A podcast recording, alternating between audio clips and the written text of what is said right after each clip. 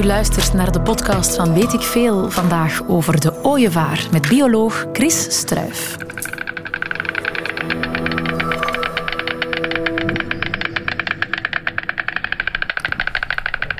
Altijd uh, lekker rustgevend, toch? Natuurgeluiden. U hoort het geklepper van de snavel van een ooievaar. Een nieuw geluid voor mij. Ik had dat nog nooit eerder gehoord. Alleszins toch niet bewust. Is dat iets om mij over te schamen? Nee, helemaal niet. Eh, Oké. Nira, uh, ooievaars zijn uh, gelukkig niet meer zeldzaam in ons land. Er zijn plekken waar je er zelfs heel veel kan zien en horen. Maar er is lange tijd een probleem geweest. Die vogels waren zeldzaam en dan kon je eigenlijk nergens dat geluid horen. Dus zeker niets om over beschaamd te zijn. Goed, u hoort nu ook de stem, niet het geklepper, maar de stem van bioloog Chris Struif. Welkom. Ja, ooievaars, een van uw expertisegebieden. Is het uw favoriete vogel? Uh, ik denk het wel, ja. Het is, het is een vogel waar ik eigenlijk heel lang uh, mee en voor gewerkt heb. Zowel in het dierenpark Plankenaal als in het uh, Natuurpark. Het is eigenlijk een vogel die een super symbool is voor alle vogels, voor alle trekvogels, omdat hij zich zo goed laat zien. Het is een heel opvallende verschijning. Het is een vogel die zeer opvallend broedt, terwijl de meeste vogels ergens in een struikje wegzitten. Die, die nesten zie je nooit. Het is een vogel met een duidelijke communicatie, wat je al liet horen. En ze hebben een wonderbaarlijke vlucht. Dus allemaal redenen om met die vogel eigenlijk te werken in het dierenpark. En in het Zwin was het eigenlijk een soort uh, vogel, een soort waarmee we eigenlijk heel veel bezoekers en uh, ook jonge kinderen, maar uh, ook ouderen konden bereiken om iets over natuur te vertellen. Radio 1. Weet ik veel? Het was alsof de vogels van Hitchcock waren weergekeerd, maar dan niet als een hallucinatie. In het natuurreservaat van het Zwinte Knokke is het gevlerkt en gevleugeld lentefeest begonnen. Door de bewakers werden nesten op palen en in de kruinen van de bomen aangebracht. Met het oog op de vergroting van het gezin wordt al aan proviand gedacht. Prachtig toch hoe ze dat zeiden in der tijd in Echo. Het gevlerkt en gevleugeld lentefeest. Mooi. Te gast vandaag Chris Struijf, bioloog, schrijver ook van het boek Ooievaars zonder grenzen. En ook de man achter het bekende Ooievaarsproject, de Ooievaarskolonie in Plankendaal. Uh, de bezieler daarvan, we gaan het daar straks nog uitgebreid over hebben. Maar eerst over u, want ik wil heel graag weten, uw, uw, uw passie, want u zei al, het is, een, het is een mooie speciale vogel, maar die passie voor die vogel, waarom net die vogel en waarom u zich daar zo intens mee wou bezighouden in uw carrière, hoe is dat zo gekomen? Wel, um, op een van de uh, reizen voor het werk voor Plankendaal kwam ik in uh, Mulhouse terecht, in de streek van de Elzas. En dat was nogthans in het najaar of begin september. Maar dat was een prachtige een nazomerse dag met een staalblauwe hemel. En ik moest daar nog even staan wachten op een collega. En toen zag ik uh, tegen dat staalblauw zo'n uh, twintig, dertigtal ooievaars die daar waren aan het uh, cirkelen en, en omhoog waren aan het op thermiek gaan. En dat was zo'n prachtig beeld. En dan dacht ik, eh, toen waren er in Plankendaal ook al ooievaars, maar dat waren zo geleeuwikte vogels, dus die, eh, ja, die hadden maar uh, één en een halve vleugel, die konden niet meer vliegen. Die zaten zo in een klein perkje en elk jaar kwamen er wel wilde ooievaars zo in het voorjaar of het najaar even langs. Maar ja, die zag je dan ook wegvliegen en die anderen zaten altijd in dat perk. En ik dacht, als wij aan uh, bezoekers die ervaring kunnen geven van die vogels die ze kunnen zien uh, cirkelen, ook heel dat verhaal als trekvogel, het vertrekken uit dat park of uit, ja, uit ons land naar verre Zuiderse landen, dat spreekt ook zo tot de verbeelding. Dan dat is een vogel waar dat we perfect heel ons verhaal kunnen uh, aan vastknopen van hoe het gesteld is met natuur, wat er allemaal bij komt kijken, tot welke prestaties zo'n vogels eigenlijk in staat zijn. En uh, ik was verkocht. Je kan aan een ooievaar zien hoe het gesteld is met de natuur. Ja, als er ooievaars zijn die zich succesvol voortplanten, dan is teken dat het gebied waar dat zij daar leven, dat dat eigenlijk oké is. Dat ze daar voldoende voedsel vinden. En ze kunnen maar voldoende voedsel vinden als die diertjes die het voedsel uitmaken, dat die zich ook goed voelen in dat gebied. Dus dat eigenlijk heel dat netwerk van soorten die met elkaar verbonden zijn, omdat de ene de andere nodig heeft om opgegeten te worden of om te eten. Wel, als die zich daar allemaal thuis kunnen voelen en kunnen overleven, dan, ja, dan is die, uh, dat ecologisch systeem daar perfect. En als die ooievaar daar dan zo een typische ambassadeur voor is, dan weet ja, als die er is, dan zijn we eigenlijk goed bezig met de natuur. Het is grappig, er zegt iemand, een luisteraar, die, die, die, laat weten, want ik denk dat nu misschien heel veel mensen gaan extra goed gaan letten op ooievaars. Die zegt, toevallig rijd ik dammen binnen en zie een ooievaar zitten op het dak van een huis. Ja, dat kan. Allee, dat klopt, want er zijn heel wat uh, paardjes die daar nu uh, broeden. Koppeltjes.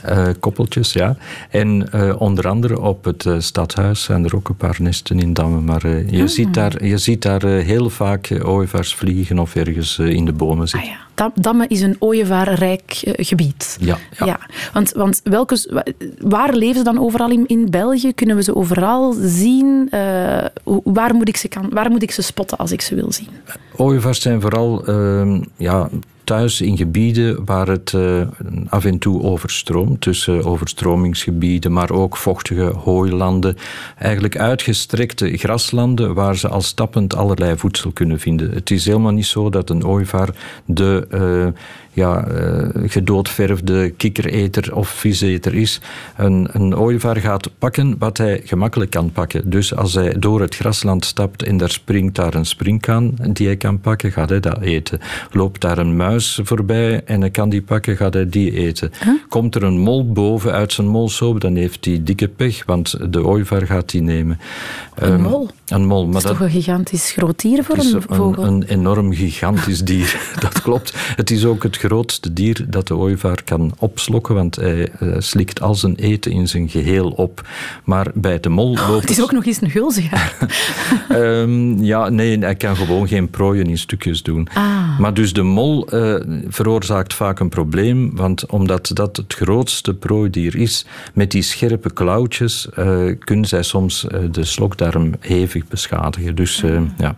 Maar dus, terwijl dat die vogels in grasland lopen, als ze daar voldoende voedsel vinden, dan gaan ze daar, als daar ergens een hoge, ja, afgebroken boom of zo staat, dan gaan ze daarop proberen nestelen.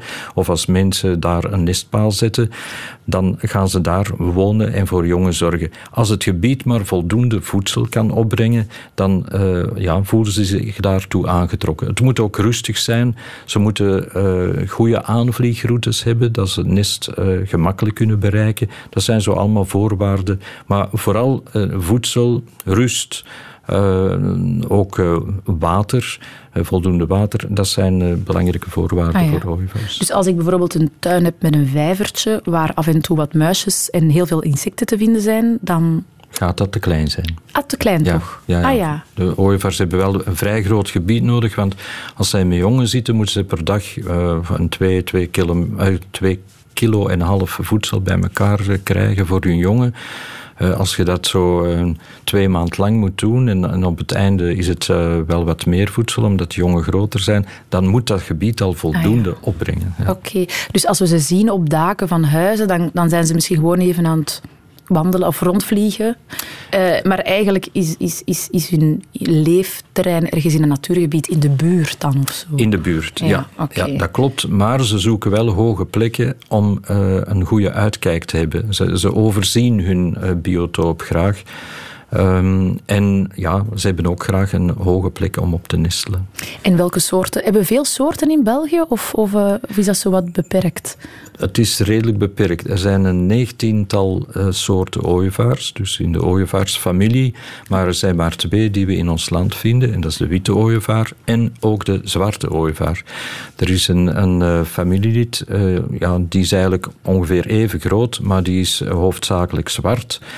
Um, met nog een beetje wit aan de vleugels. Maar die leeft heel teruggetrokken in oude bossen. Dus in Wallonië, daar zijn uh, vooral in het uh, oostelijk deel daar heb je heel wat uh, broedplaatsen van zwarte ooievaars. Ah ja. En, en komen, die, komen, die, komen ooievaars veel voor? Zijn er veel in, in België? Of, of is dat toch nog altijd een beetje een bedreigde uh, Nee, in? België. Voor uh, België is dat geen bedreigde soort niet meer.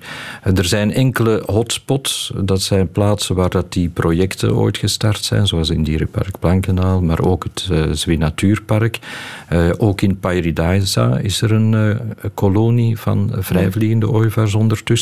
Maar door al die projecten zijn er heel wat ooievaars ja. bijgekomen en die verspreiden zich over Vlaanderen en zelfs ook tot in Wallonië. En, en, want u zegt er zijn witte en zwarte ooievaars in België, maar die, u zegt de zwarte die leeft wat teruggetrokken, die, ja. die leven dus niet samen, die twee verschillende soorten. Je ziet die nooit nee, je mengen. nee, je, je kan die wel uh, samen zien tijdens de trek. Ah ja. ja maar uh, zwarte ooievaars gaan nooit in zo'n massa trekken als de witte. Oké, dus die leven op zichzelf. De witte wel in groep dan? Uh, eigenlijk enkel tijdens de trek. Maar uh, als, de, als ze een geschikte voedselplaats vinden, een geschikt terrein en ook geschikte plekken om op te broeden, en die liggen uh, dicht bij elkaar, dan ga je ze in groep zien. Maar dat is een beetje zoals mensen die op een terras gaan oh, zitten. Die mensen hebben niet allemaal iets met elkaar te maken, maar ze gaan daar naartoe omdat daar lekker bier is. Ah, voilà. Weet ik veel. We hadden het daarnet over de witte en de zwarte ooievaars. En misschien is het nog wel leuk om daar even op door te gaan. Dat verschil tussen die twee. Want iemand zegt, op een hoge plek in een boom zit nu een wit-zwarte vraagteken ooievaar. Een koppel ooievaar met jongen. Dus maar daarnet zei, zei je, Chris, die mengen niet met elkaar, dus dat kan niet. Nee, dat zijn... Een gemixt koppeltje, mixed race koppeltje, dat kan niet. Nee, waaruit dan grijze ooievaartjes geboren worden, dat, dat gebeurt niet. Nee. Uh, maar meer dan waarschijnlijk zal het over een koppel uh, witte ooievaars gaan. Want zij maken ook nesten in bomen, maar dat is zo niet echt in afgelegen oude bossen. Maar bijvoorbeeld, zoals in het Zwin Natuurpark, er zijn heel wat nesten in bomen. Maar die, die twee soorten mengen niet, omdat zij een totaal ander gedrag hebben, een totaal andere levenswijze. Dus uh, zij kunnen ook niet met elkaar communiceren. Zij, zij herkennen elkaar ook niet als soortgenoot, omdat ze ah. er totaal anders uitzien. Ah, dus zij zien niet, dat is mijn soort vogel die daar ook vliegt, gewoon met een ander kleurtje. Nee, dat, Dat, is, dat is zoals een andere vogel die daar zou uh, voorbij vliegen, een bosduif of zo, die ziet er ook helemaal anders uit. Dus een witte ooievaar gaat zich niet aangetrokken voelen tot een zwarte. In, integendeel, uh, ze zullen dat eerder zien als een bedreiging, maar dat is ook een grote vogel die daar vliegt en ze gaan die wegjagen van de nestplaats of van de voedselplaats. Alleen tijdens de trekperiode kunnen ze ja, elkaar verdragen, omdat ze dan allemaal samen uh, op plaatsen rusten of voor of uh, ja. Oké. Vroeger, heel veel jaren geleden, toen de dieren nog konden praten, nodigde de vos op zeker ogenblik de ooievaar uit om eens lekker te komen eten. Maar de vos, dat is een heel slim dier. En nu gaf hij het eten aan de ooievaar op een gewoon bord. Maar kijk maar eens naar die ooievaar. Die heeft zo'n lange, platte snavel. En die kon dat eten niet oppikken.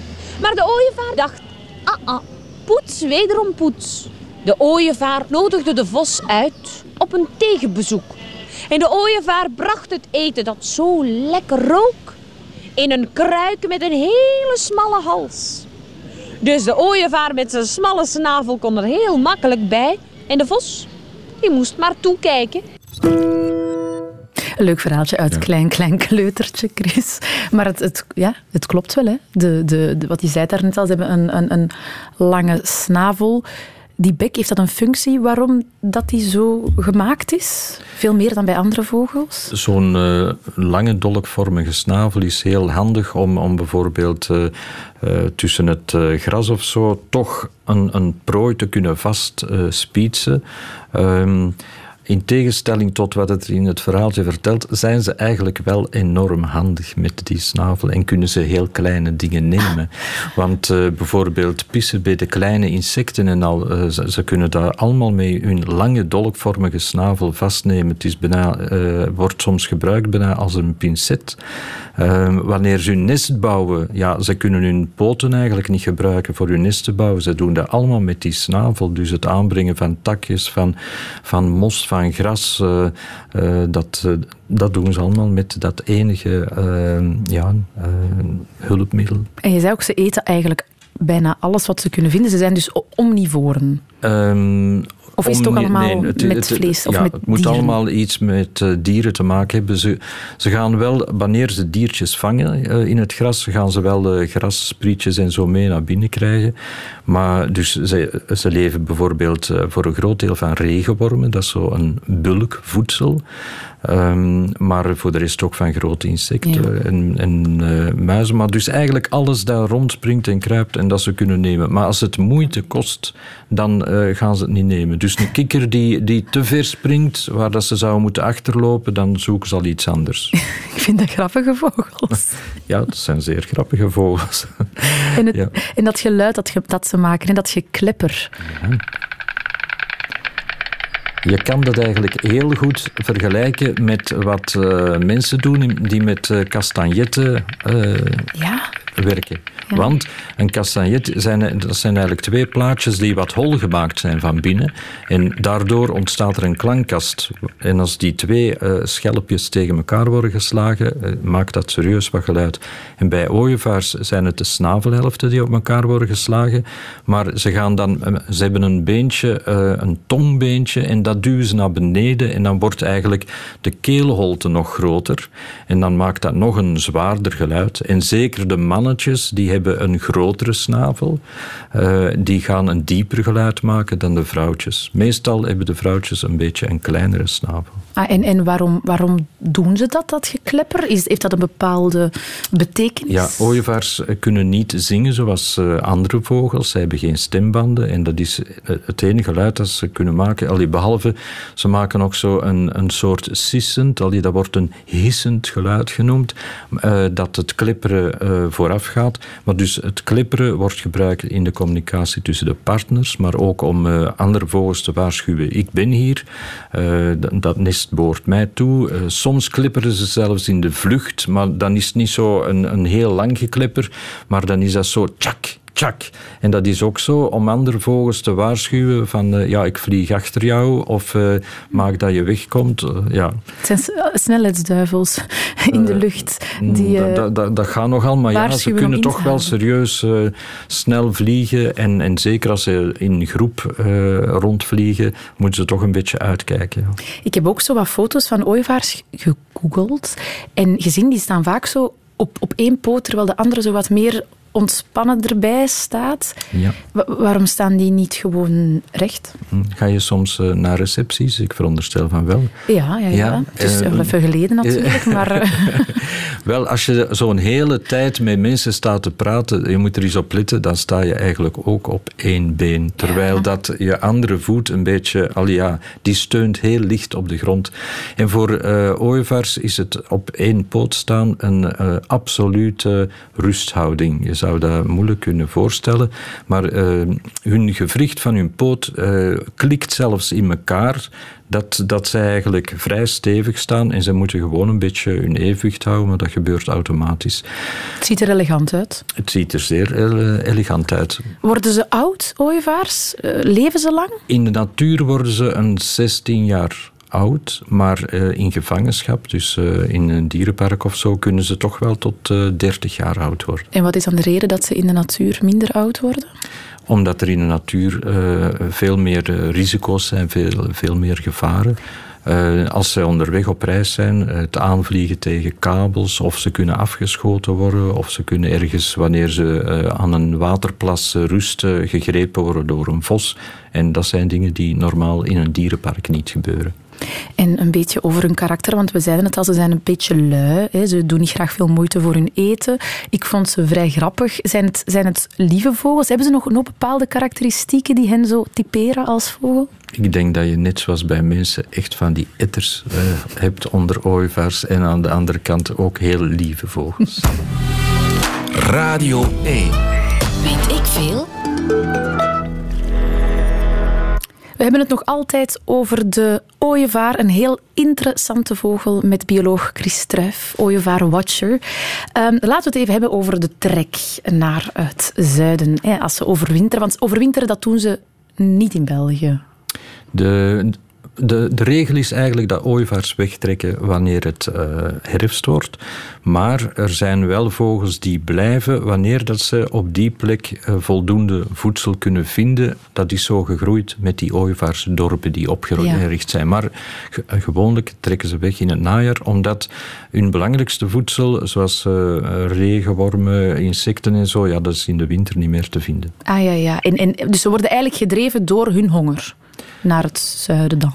Uh, ze worden gedreven vooral door het uh, korten van de dagen. Uh, dat heeft blijkbaar invloed op hun hormonaal stelsel. En dat doet hen eigenlijk, dat zet hen aan om weg te trekken. Het heeft ook te maken met het broedseizoen is gedaan. ook ja, heel die hormonenhuishouding van die vogels verandert. En omdat ze dan ook al minder voedsel vinden, gaan ze gemakkelijk vertrekken.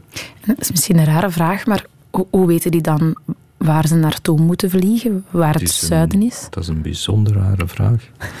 ze krijgen dat mee in het ei. Dat, dat is eigenlijk eh, ook zeer wonderbaarlijk. Uh, men heeft uh, ontdekt uh, met ooievaars met de hand groot te brengen, dat die jonge ooievaars, wanneer dat ze een paar maanden oud zijn, dat die ook die drang hebben om weg te trekken. En niemand heeft hen dat ooit voorgedaan. Zij trekken dezelfde route als volwassen vogels. En, en, meestal vertrekken de jonge vogels voor de volwassen vogels. Dus dat is een soort ingebouwd GPS-systeem. Ja, ingebouwd ja. navigatiesysteem. Dat die gewoon, die weten het, het zijn. Ja. En, en vliegen zij aan één stuk. Want waar, waar gaan ze precies naartoe als ze dan gaan overwinteren in het zuiden? Vroeger werd er gezegd de ooievaar trekt naar Afrika. Uh, maar er zijn nog weinig ooievaars die, die dus gevolgd worden met uh, onderzoeken die echt doortrekken naar Afrika. De meeste ooievaars die stranden in Spanje. Uh, in Zuid-Spanje en dan vooral op grote open stortplaatsen. Uh, dus uh, ja, ooievaars eten alles. Dus ze eten ook dode dieren. Ze eten dus ook afval. En ze doen niet liever als die uh, grote open afvalplaatsen afschuimen. Ah ja, want daar moeten ze niet veel moeite voor doen. Voilà, daar ligt alles bijeen. Daar zijn we weer. Maar ze zijn niet ja. de enige. Hè. Er komen er ook veel trekvogels, zoals zwart, zwarte wouwen. Die daar, dat zijn ook roofvogels die aas eten. Die komen ah. daar ook. Het is grappig dat je het zegt, want een luisteraar, Bart, die reageerde. Ik heb gehoord dat ooievaars ook tijdens het trekken eigenlijk niet zo moeilijk zijn wat betreft, want ze komen neer op vuilnisbelten, dus ze zijn dan toch niet op zoek naar die uitzonderlijk gezonde en natuurlijke omgeving, blijkbaar. Maar het zijn opportunisten, dus hè, ze eten echt alles.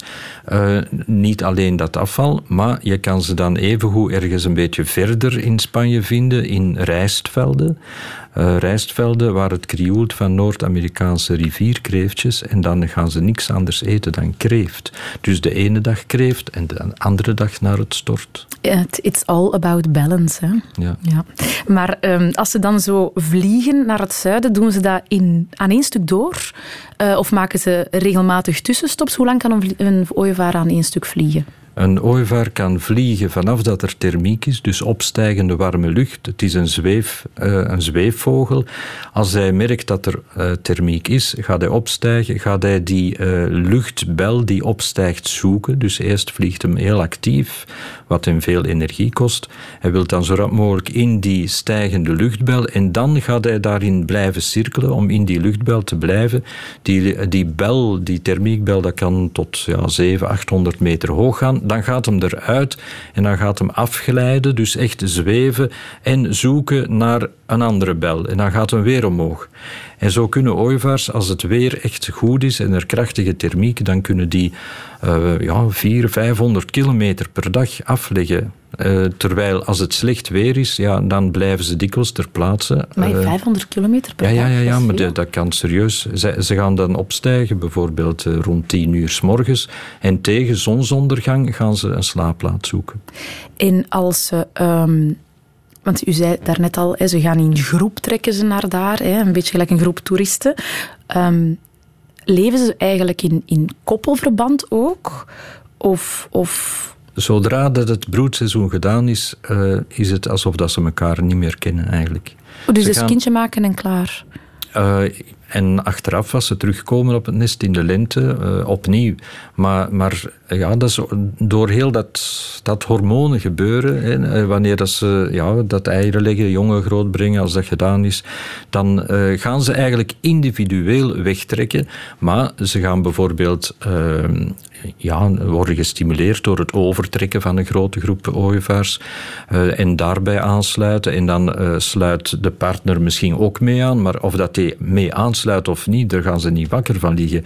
Of dat die jongen al weg zijn of niet, daar gaan zij niet wakker over liggen. Ze gaan gewoon individueel naar het zuiden en al wie mee wil vliegen is welkom.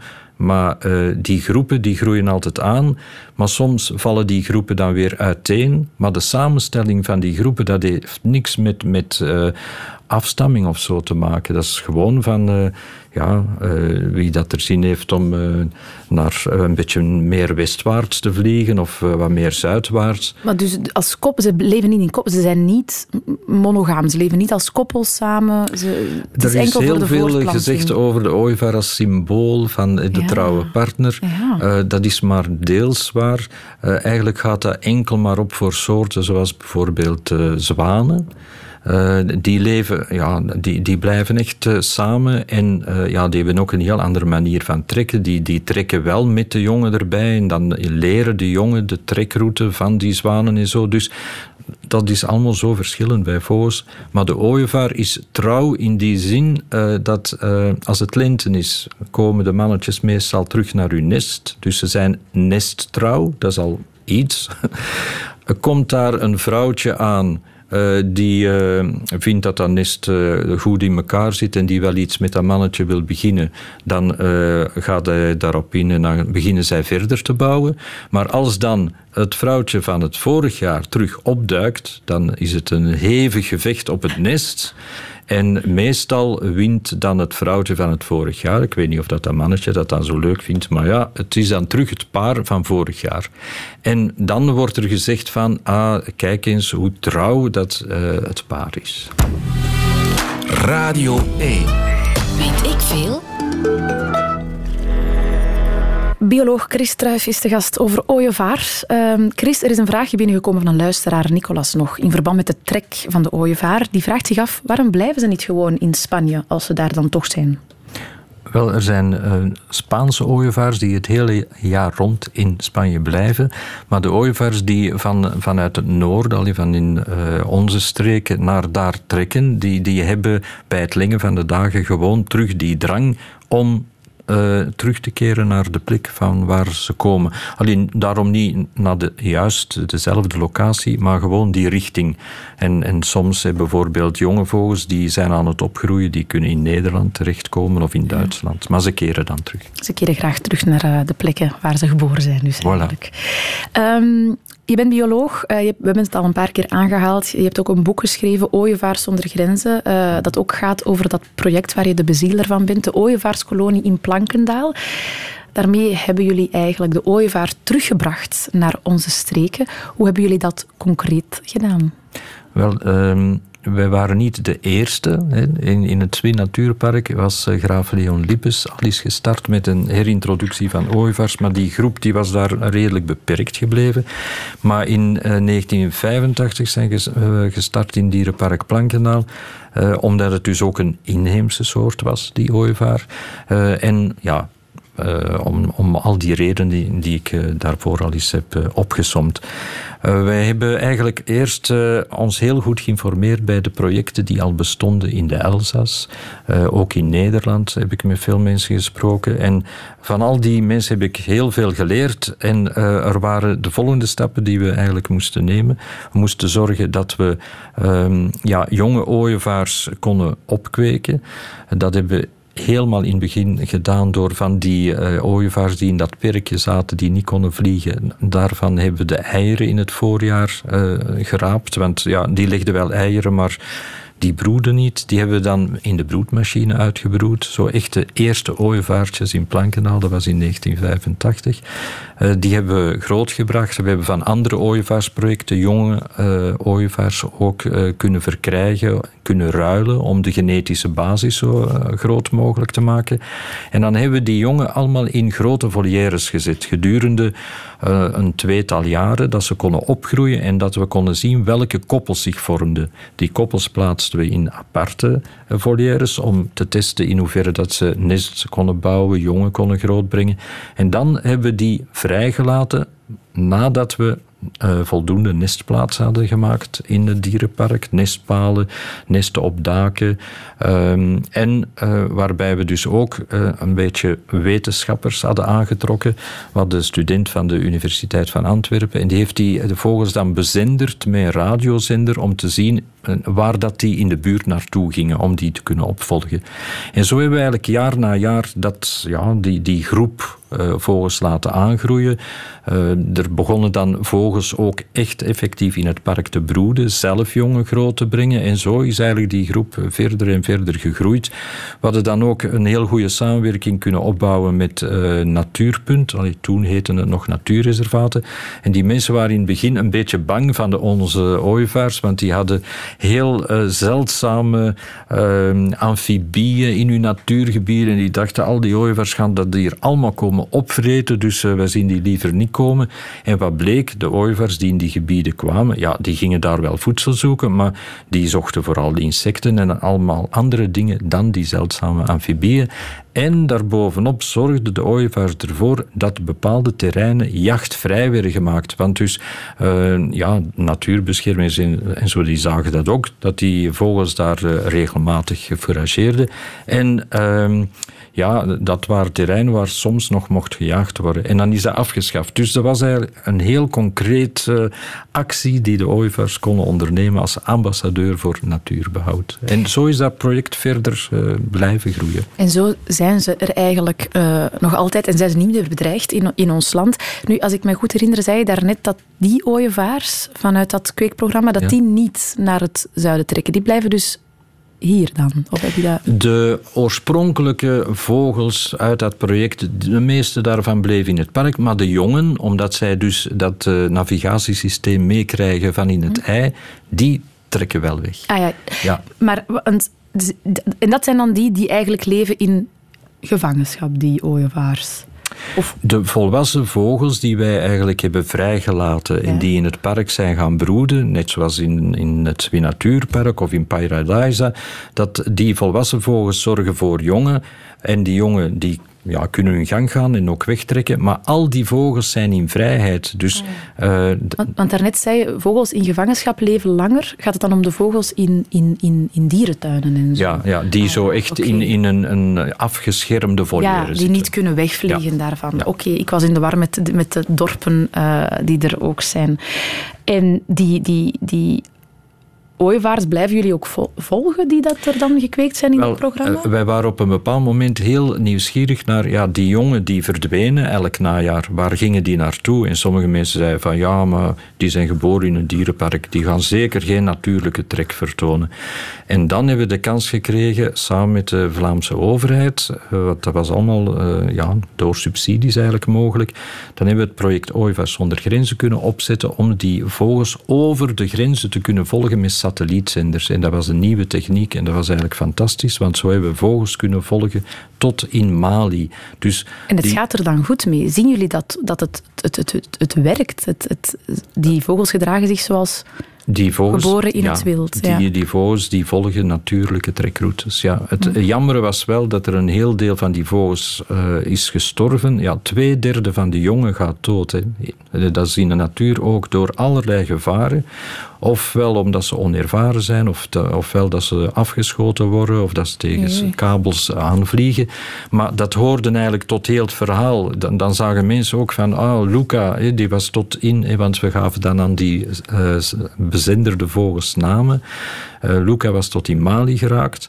Uh, zelfs Frank de Bozere, want die was, die was, in die periode Peter van het project, die heeft dat dan mm. allemaal op uh, het weerbericht gebracht en die zei, oh wat jammer dat die vogel nu oh, tegen een kabel is gevlogen. Mm. Heeft wel het toch mooi een, een, een nieuwsfeit geworden. Dan heeft aandacht gekregen. Ja, zeker en vast. Ja, in het weerpraatje. Um, goh, het is zo interessant. Ik ben hier complete tijd uit het oog verloren. Mijn excuses daarvoor. We hebben nog twee minuten. Maar ik moet u nog vragen waar die mythe vandaan komt dat de ooievaars de kindjes brengen. Wel, die mythe die gaat ver terug. De oude Grieken die hadden heel veel godinnen. En er was een eh, godin Hera, die was heel jaloers op de bloedmooie godin Gerana. En ze betoverde die godin in een ooievaar. Maar Gerana was uh, in de wanhoop nabij, want ze had een kind en ze wilde niet dat dat kind in handen viel van Hera. En uh, dat kind was gewikkeld in doeken. En op een onbewaakt moment nam ze dat kind in die doeken vast en vloog ermee weg om het in veiligheid te brengen. Vandaar. Niet omdat ze extra lief zijn voor babytjes of zo. Nee, nee, niet. Maar eigenlijk heeft het gewoon te maken. Op het moment dat ooievaars terugkomen van uh, hun winterse kwartieren, dat valt samen met de lente, als de, de boeren terug het land optrekken, als alles terug begint te groeien. Dus een prachtig symbool voor al het nieuwe leven. Dat is mooi. Ik vermoed dat er een quiz is die mij te wachten staat. Ja, zeker en vast. Daar um, ontsnap je niet aan. Nee, ah wel, dan gaan we er nu invliegen. Waarom hebben ooievaars een lange dolkvormige snavel? Een lange dolkvormige snavel. Uh, omdat ze dan extra goed hun eten kunnen uh, pikken van onder de grond en zo. En dus daarmee eigenlijk al hun eten en hun nestjes bouwen en zo. Hè. Dat is daarvoor. Goed. Is dat juist? Ja. Hoe ontstaat het geklepper dat ooievaars maken? Dan moet ik dat simpel uitleggen. Dat is iets met hun, hun tong en hun, hun twee de snavelhelften die ze op elkaar laten klikken. Ja. Gelijk als, het vergelijken met castagnettes. Oké, perfect. Wat is de functie van dat geklipper? Oh, van alles. Ze communiceren daarmee. Ze, mannetjes versieren daar vrouwtjes mee. Ze laten ook aan andere vogels weten. Hela, tuut, tuut, ik ben hier.